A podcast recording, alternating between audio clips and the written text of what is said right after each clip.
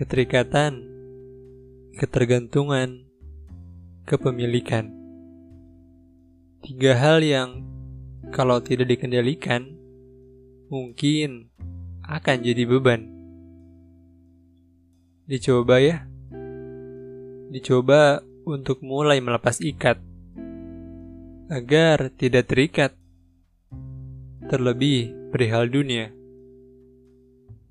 Belajar melepaskan.